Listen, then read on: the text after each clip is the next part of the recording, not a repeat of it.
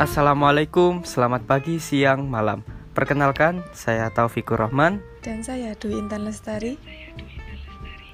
Selamat datang di Diskuti, yang mana ini kebetulan podcast pertama dari kami. Sebenarnya, podcast ini kami buat untuk memenuhi tugas mata kuliah Lembaga Keuangan Syariah Non-Bank.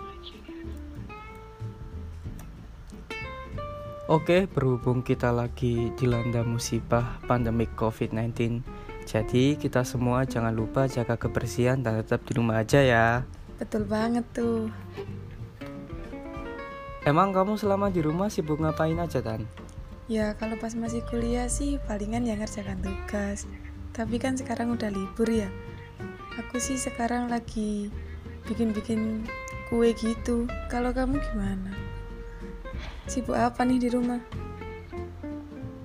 Kalau aku sibuk ya sama sih kurang lebih kalau pas waktu kuliah belajar ngerjain tugas ya bantu-bantu orang tua. Itu sih kurang lebih sama. Eh, ngomong-ngomong kita mau ngobrolin apa nih?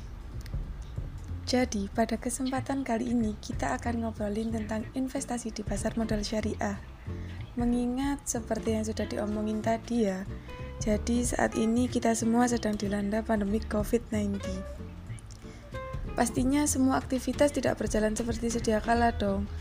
Termasuk kita nih sebagai seorang mahasiswa yang setiap hari biasanya jarang banget di rumah. Tapi akibat pandemi COVID-19 ini kita diharuskan untuk stay di rumah terus. Iya bener banget sih, bener banget. Biasanya kan kita disip bukan dengan kegiatan kita di luar di perkuliahan masuk kelas belajar di kelas ngedengerin dosen memberi materi. Kalaupun yang aktif di organisasi ya aktif di organisasi. Pokoknya beda banget sih. Tapi bukan berarti kan nggak ada celah yang bisa kita manfaatkan. Mungkin salah satunya kita sebagai mahasiswa mungkin yang belum punya usaha ataupun belum punya penghasilan sendiri bisa nggak ya kita investasi uang saku kita mungkin? Soalnya kan uh, bagus kalau semisal kita menghasilkan pasif income di rumah sambil rebahan. Tapi sebelum kita masuk ke topik utama kita kita harus tahu dulu apa sih investasi itu terutama di pasar modal syariah Mungkin Intan bisa menjelaskan apa itu pasar modal syariah? Ya, jadi gini Fik. Pasar modal syariah itu dapat diartikan sebagai kegiatan dalam pasar modal sebagaimana yang diatur dalam Undang-Undang Pasar Modal yang tidak bertentangan dengan prinsip syariah.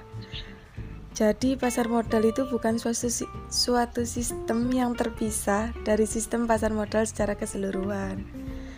Karakter, Karakteristik khusus pasar modal syariah yaitu produk dan mekanisme transaksinya harus sesuai dengan prinsip-prinsip syariah. Jadi nggak boleh tuh bertentangan dengan prinsip-prinsip syariah.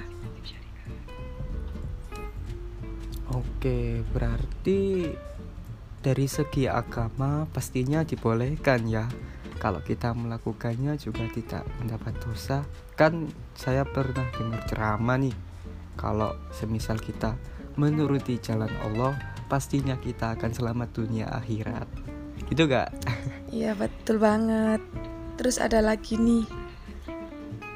Instrumen pasar modal syariah. Jadi di dalam pasar modal syariah itu ada beberapa instrumennya. Aku sebutin ya. Yang pertama itu iya. saham syariah. Yang kedua suku. Yang ketiga dana investasi real estate syariah dan yang keempat efek beragun aset syariah. Dan yang terakhir reksadana syariah. Aku jelasin satu-satu ya. Oke silahkan saham syariah itu surat berharga bukti penyertaan modal kepada perusahaan dan dengan bukti pernyataan tersebut pemegang saham berhak untuk mendapatkan bagian dari usaha perusahaan tersebut. Jadi dia bakal dapetin sebagian dari hasilnya gitu Terus yang sukuk Sukuk itu memiliki karakteristik yang berbeda dengan obligasi. Sukuk bukan merupakan surat utang, melainkan bukti kepemilikan bersama atas suatu aset atau proyek. Setiap sukuk yang diterbitkan harus mempunyai aset yang dijadikan dasar penerbitan atau underlying aset. Imbalan bagi pemegang sukuk dapat berupa imbalan bagi hasil atau margin sesuai dengan jenis akad yang digunakan dalam penerbitan tersebut. Yang ketiga, dana investasi real estate syariah. Dana investasi ini biasa disebut dire syariah yang memiliki arti wadah untuk menghimpun dana masyarakat. Dires ini diinvestasikan pada aset real estate. Aset yang berkaitan dengan real estate atau kas dan setara kas yang tidak bertentangan dengan prinsip syariah di pasar modal. Dire berbentuk kontrak investasi kolektif, yaitu kontrak antara manajer investasi dan bank kustodian yang mengikat pemegang diri syariah. Manajer investasi diberi wewenang untuk mengelola investasi dan bank kustodian diberi wewenang sebagai tempat penitipan dananya. Dire Syariah dibentuk untuk berinvestasi pada real aset real estate yang menghasilkan pendapatan sewa seperti pusat perbelanjaan, hotel, rumah sakit, gedung perkantoran, dan pergudangan industri. Yang keempat, efek beragun aset syariah atau biasa disingkat dengan EBA syariah, yaitu sebuah efek yang dikeluarkan melalui kontrak investasi kolektif EBA syariah, di mana portofolionya mencakup aset keuangan berbentuk tagihan yang muncul dari surat berharga komersial. Tagihan ini di kemudian hari dan jual beli aset fisik atau nyata oleh lembaga keuangan. Nah, yang terakhir nih, reksadana syariah. Ini dia topik kita utama kita. Jadi, reksadana syariah adalah wadah yang digunakan untuk menghimpun dana dari masyarakat pemodal sebagai pemilik harta atau sobib al-mal. Dana ini selanjutnya diinvestasikan dalam portofolio efek oleh manajer investasi sebagai wakil sohib al-mal menurut ketentuan dan tentunya sesuai prinsip syariah Islam. Oke, jadi untuk reksadana syariah ini sih menarik ya, terutama kalau kita belum begitu tahu ilmunya, terutama buat teman-teman nih. Jadi gampangannya reksadana adalah produk investasi di mana duit kita dikelola oleh fund manager atau orang-orang yang sudah pro pada bidangnya kayak lulusan manajemen keuangan dan lain-lain. Ya pokoknya mereka ini kalau di Mobile Legend itu tiernya mitik mungkin ya kalau untuk ngelola duit orang. Betul banget tuh. Terus selain itu reksadana juga ada beberapa jenis loh. Reksada, jenis-jenis reksadana itu ada reksadana saham, pendapatan tetap, reksadana campuran, dan reksadana pasar uang. Reksadana saham artinya uang kalian bakal ditampung oleh manajer investasi untuk dibelikan saham. Jadi sekarang secara garis besar, reksadana saham adalah reksadana yang paling beresiko. Pergerakan harga juga ngikutin harga saham yang dibeli. Dan kita nggak bisa milih sendiri saham yang kita mau. Tetapi di balik resiko yang besar, pastinya capital gainnya juga besar. Berarti berarti, reks... berarti reksadana ini cocok untuk kalian yang berzodiak Leo. Kamu tahu nggak kenapa? Emangnya kenapa kok zodiak Leo? Karena kan Leo menyukai tantangan. Mungkin walau akhirnya kehilangan. Iya, kasihan tuh. Oke oke oke. Lanjut lanjut lanjut. Ya, yang kedua reksadana pendapatan tetap. reksadana pendapatan tetap atau obligasi ini mengelola duit kamu di obligasi atau surat hutang. Yang jelas tingkat resikonya sedang karena harga unit berfluktuasi naik turun. Reksadana ini returnnya le bisa lebih tinggi dari reksadana pasar uang. Ada yang sampai 15% per tahun, tapi bisa juga minus. Makanya kita bilang ini tingkat resikonya sedang-sedang. Yang ketiga, reksadana campuran. Nah, reksadana campuran ini manajer investasi yang mengelolanya loh. Yang uang di tempat yang berbeda-beda. Misalnya 20% saham, terus 30%-nya deposito. Lah 50%-nya itu obligasi. Ini juga sama fluktuasinya, kadang nggak karuan. Bisa dibilang resiko sedang, return juga lebih tinggi daripada reksadana pasar uang. Yang keempat yaitu reksadana pasar uang. Ini adalah jenis investasi reksadana yang paling minim resikonya.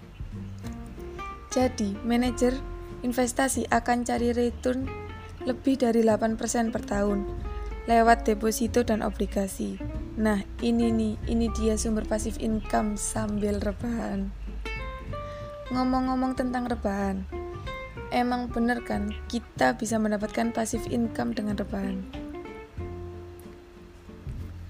sebenarnya bener banget sih kemarin aku nyoba-nyoba uh, aplikasi di suatu uh, di Play Store atau App Store ada. Tapi sebelumnya aku mau tanya-tanya tan. Iya. ini kan uh, dari penjabaran tadi itu menurut aku menarik banget sih. Ada empat produk dari reksadana. Reksadana saham reksadana pendapatan tetap reksadana campuran maupun reksadana pasar uang dengan kekurangan dan kelebihannya masing-masing. Tapi kalau menurut aku yang membedakan itu selain dari tingkat resiko juga tingkat pendapatan atau gennya ya dan yang mem yang membatalkan itu. Iya meskipun di reksadana pasar uang itu apa resikonya kan yang paling minim. Jadi ya pendapatannya juga nggak sebesar yang di reksadana saham. Oke berarti bisa kita simpulkan ya kalau semisal keuntungannya mau besar berarti resikonya juga besar. Gitu ya? Iya dong masa mau resikonya minim tapi mau keuntungan yang besar? Oke oke oke eh, ngobrol-ngobrol tentang mendapatkan pasif income dengan rebahan. Sebenarnya aku kemarin baca-baca juga sudah sempat nyoba sih aplikasi yang sekiranya bisa memudahkan kita terutama untuk teman-teman yang mau terjun ke dunia investasi ini. Ya kan sekarang pandemik nih ya teman-teman mahasiswa ataupun teman-teman siswa juga nggak apa-apa. Kan pasti dapat uang saku daripada uang sakunya nggak berkembang kenapa nggak kita investasikan saja gitu kan? Iya bener banget tuh. Daripada uangnya kita habis-habiskan terus kan mending bisa buat investasi ya malah nambah penghasilan iya tan. Soalnya aku jengkel sendiri. Aku itu udah sabar nabung ya. Nabung nabung. Tapi kok dapetnya gitu-gitu aja? Kenapa nggak nabung? Terus dapat keuntungan dari nabung gitu loh. Jadi apa yang kita tabung itu nilainya bertambah karena uh, kemauan nabung kita. Ya salah satunya fasilitas iya. ataupun iya. jal jalan yang kita tuju ini ya pakai Halo. investasi ini. Tuh. Jadi kamu tahu nggak apa aplikasinya? Apa? Bisa diulangi nggak kedengaran tadi? Kamu tahu nggak apa aplikasinya? Emang apa? Aku sih belum tahu ya karena ya lumayan kurang update juga ya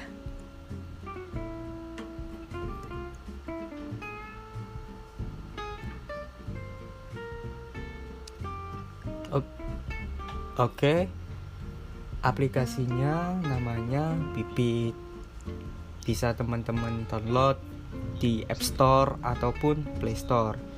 Nggak hanya Bibit sih sebenarnya, banyak juga aplikasi lain seperti Bareksa uh, dan lain-lain. Tapi saya atau kami rekomenin Bibit soalnya Bibit ini tuh punya fitur-fitur yang menjamin atau yang mendukung teman-teman yang mau mulai usaha investasi. Kalau Bariksa sendiri sih yang saya tahu mungkin buat orang yang sudah punya ilmunya atau lebih pro kasarannya seperti itu. Nah, gimana Tan? Bibit? Emang aplikasinya aman ya? Gak bakalan ketipu gitu? Ya maklum lah kita kan masih pemula, takutnya kan kena tipu. Hmm, aman dong. Kan sudah terdaftar di OJK. Wah, kalau udah terdaftar di OJK sih pasti percaya ya. Kan selalu diawasi. Bener banget. Lah, emang keunggulan dari aplikasi Bibit daripada aplikasi reksadana yang lainnya itu apa sih? Kok sampai Taufik ini mau merekomendasikan Bibit menjadi aplikasi untuk berinvestasi? Banyak banget sih kelebihannya. Jadi Bibit itu aplikasi yang bisa um, dijadikan alat buat kita berinvestasi bagi kita-kita yang mau mulai terjun ke dunia investasi atau kasarannya yang belum punya ilmu sebanyak uh, orang yang sudah pro seperti itu. Jadi yang pertama kelebihannya yaitu berpihak kepada investor retail. Jadi kamu tidak perlu bayar seminar yang mahal, nggak perlu. Kamu tidak perlu bayar financial planner, nggak perlu bu beli buku hanya untuk mulai investasi. Kamu dapat mulai investasi dengan benar di Bibit secara gratis dan mengandalkan kami untuk menjadi pembantu investasi kamu. Maksudnya kami itu ya aplikasi Bibit tersebut. Terus yang kedua, pemilihan investasi yang mudah bahkan untuk investor pemula. Nah, ini nih yang menarik. Jadi Bibit itu punya teknologi secara dinamis akan menyesuaikan investasi kamu berdasarkan profil resiko kamu. Secara otomatis, siapa pun bisa langsung investasi tanpa perlu pengalaman. Tinggal klik investasi sekarang, maka kamu akan otomatis dipilihkan reksadana yang sesuai profil resiko kamu. Jadi nanti pada saat pendaftaran itu ada pemilihan resiko. Kamu mau yang resikonya besar atau yang resikonya kecil tapi ya seperti kesimpulannya tadi kalau semakin besar resiko berarti semakin besar pendapatan. Begitupun sebaliknya. Terus yang ketiga reksadana yang terseleksi dan berkualitas. Jadi sebelum Bibit memulai usahanya, Bibit itu bekerja sama dengan manajer investasi dan Bibit sudah melakukan analisa dan seleksi manajer investasi dengan track record dan reputasi yang baik. Setelah itu, kita bantu riset dan seleksi reksadana yang cocok untuk investor pemula. Dan kita masukkan ke list top reksadana kami supaya teman-teman bisa milih dengan tenang tanpa bingung. Seperti itu. Yang keempat gratis biaya transaksi atau komisi. Bibit tidak mengenakan biaya transaksi beli maupun jual Berbeda dengan membeli reksadana di bank konvensional karena semua pembelian secara online dan tidak mengandalkan tim sales sehingga bisa lebih murah untuk kamu. Yang kelima, pembayaran lewat GoPay dan atau link aja ya teman-teman kan sekarang banyak yang pakai e-money. Jadi pembayarannya itu dimudahkan. Barangkali teman-teman punya GoPay atau link aja, bisa nih bayar pakai GoPay atau link aja. Terus yang keenam, kualitas customer support yang baik. Kamu bisa curhat dengan tim support Bibit dari pagi sampai malam, Senin sampai Minggu. Bibit selalu siap membantu investor pemula yang memerlakukan pendamping investasi. Tapi chat yang perlu-perlu aja ya. Jangan modus, gitu gak Tan? Iya. Oke. okay. Yang ketujuh, teknologi tim yang berpengalaman. Bibit merupakan satu grup dengan Stockbit yang merupakan aplikasi saham dengan rating tertinggi di Indonesia sejak 2012. Bibit didesain untuk investor pemula dengan sistem reliabilitas yang sangat stabil supaya user experience kamu akan sangat mulus.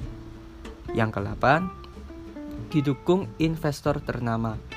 Pipit didukung oleh sederet investor ternama seperti East Ventures, Conference Venture, 15 500 startup yang juga merupakan investor perusahaan seperti Tokopedia, Traveloka, Ruang Guru, dan Grab. Yang ke yang ke sembilan nih menarik. Kamu bisa mulai investasi mulai dari 10.000. Bayangkan, kamu sehari aja sakumu berapa? Sekarang kamu bisa investasi dari mulai dari 10.000. Terus yang ke-11 kamu bisa mencairkan dana investasi kamu kapan saja dan yang ke-12 tentunya bebas pajak. Jadi keuntungan dari reksadana bukan merupakan objek pajak. Jadi kita tidak perlu bayar pajak dari keuntungan reksadana. Gitu. Wah, gimana menurutmu Dan? Kelihatannya sih menarik banget ya. Selain kita bisa mulai investasi dengan nominal minimal 10.000 Terus ini juga bisa udah di, dapat dipercaya. Dia sudah mendapatkan rating tertinggi di Indonesia sejak tahun 2012. Ya, menarik sih. Tapi itu gimana ya cara makainya? Bagi-bagi pengalaman dong. Oke, untuk cara makainya gimana? Jadi sebelum kita ke cara make, ini disclaimer dulu ya. Kalau ini bukan iklan teman-teman. Jadi kita nggak dibayar sepeser pun oleh pihak bibit. Tapi kita pengen sharing ke teman-teman semua bahwasannya investasi itu nggak seribet yang teman-teman bayangkan. Yakin? Oke, langsung ke keli, uh, langsung ke cara makanya gimana. Yang pertama pastinya nih teman-teman harus download aplikasinya dulu di App Store atau Play Store. Terus buka aplikasi Bibit, klik register. Nanti di sana ada 6 kuesioner singkat Bibit sesuai dengan profil dan tujuan investasi kamu. Setelah menjawab 6 pertanyaan, kamu akan mengetahui profil resiko kamu. Untuk melanjutkan ke registrasi, klik lanjut registrasi. Masukkan nomor handphone yang aktif dan kamu gunakan di kolom yang tersedia dan kode referral. Nah, untuk kode referral ini teman-teman masukkan kode barokah selalu. Kenapa harus masukin? Biar kamu dapat cashback sebesar 25.000 ketika transaksi reksadana. Begitupun kita dapat cashback 25.000. Ya sama-sama untuk kan, sama-sama membantu. Terus yang kelima, setelah klik lanjutkan, kamu akan memperoleh SMS yang berisi kode verifikasi. Input kode verifikasi tersebut di kolom yang tersedia, lalu klik lanjutkan. Yang keenam, kamu akan masuk ke halaman register. Isi kolom yang ada sesuai dengan data diri kamu. Yang ketujuh, upload foto KTP, foto selfie sambil pegang KTP dan tanda tangan secara digital. Yang ke-8, set PIN kamu. Kemudian input lagi di halaman konfirmasi PIN. perlu diketahui nih bahwa PIN ini digunakan setiap kali kamu melakukan penjualan reksadana. Jadi pastikan angka PIN kamu sudah mudah diingat ya, jangan sampai lupa. Terus yang kesembilan, setelah konfirmasi PIN, silahkan buka email kamu lalu klik verifikasi email. Dan yang ke-10, data kamu akan diverifikasi oleh tim bibit dan KCI. Proses registrasi kamu akan selesai maksimal 1 kali 24 jam. Gitu caranya. Mudah kan? Ya, kalau dari penjelasan kamu sih kayaknya mudah banget. Oke deh, nanti aku bakalan coba aplikasi Bibit ini. Oke, tapi sebentar ya. Ada satu lagi kelebihan dari aplikasi Bibit ini. Wah, masih ada kelebihan satu lagi. Emangnya apa tuh kelebihannya? Ya, ah, sesuai bahasan awal tadi kita, kita kan mau bahas pasar modal syariah beserta sharing tips-tips atau trik-trik nih bagaimana kita memulai investasi bagi pemula. Nah, di bibit tersebut kita bisa bebas memilih reksadana konvensional dan reksadana syariah. Dan ada juga fitur prevensi syariah.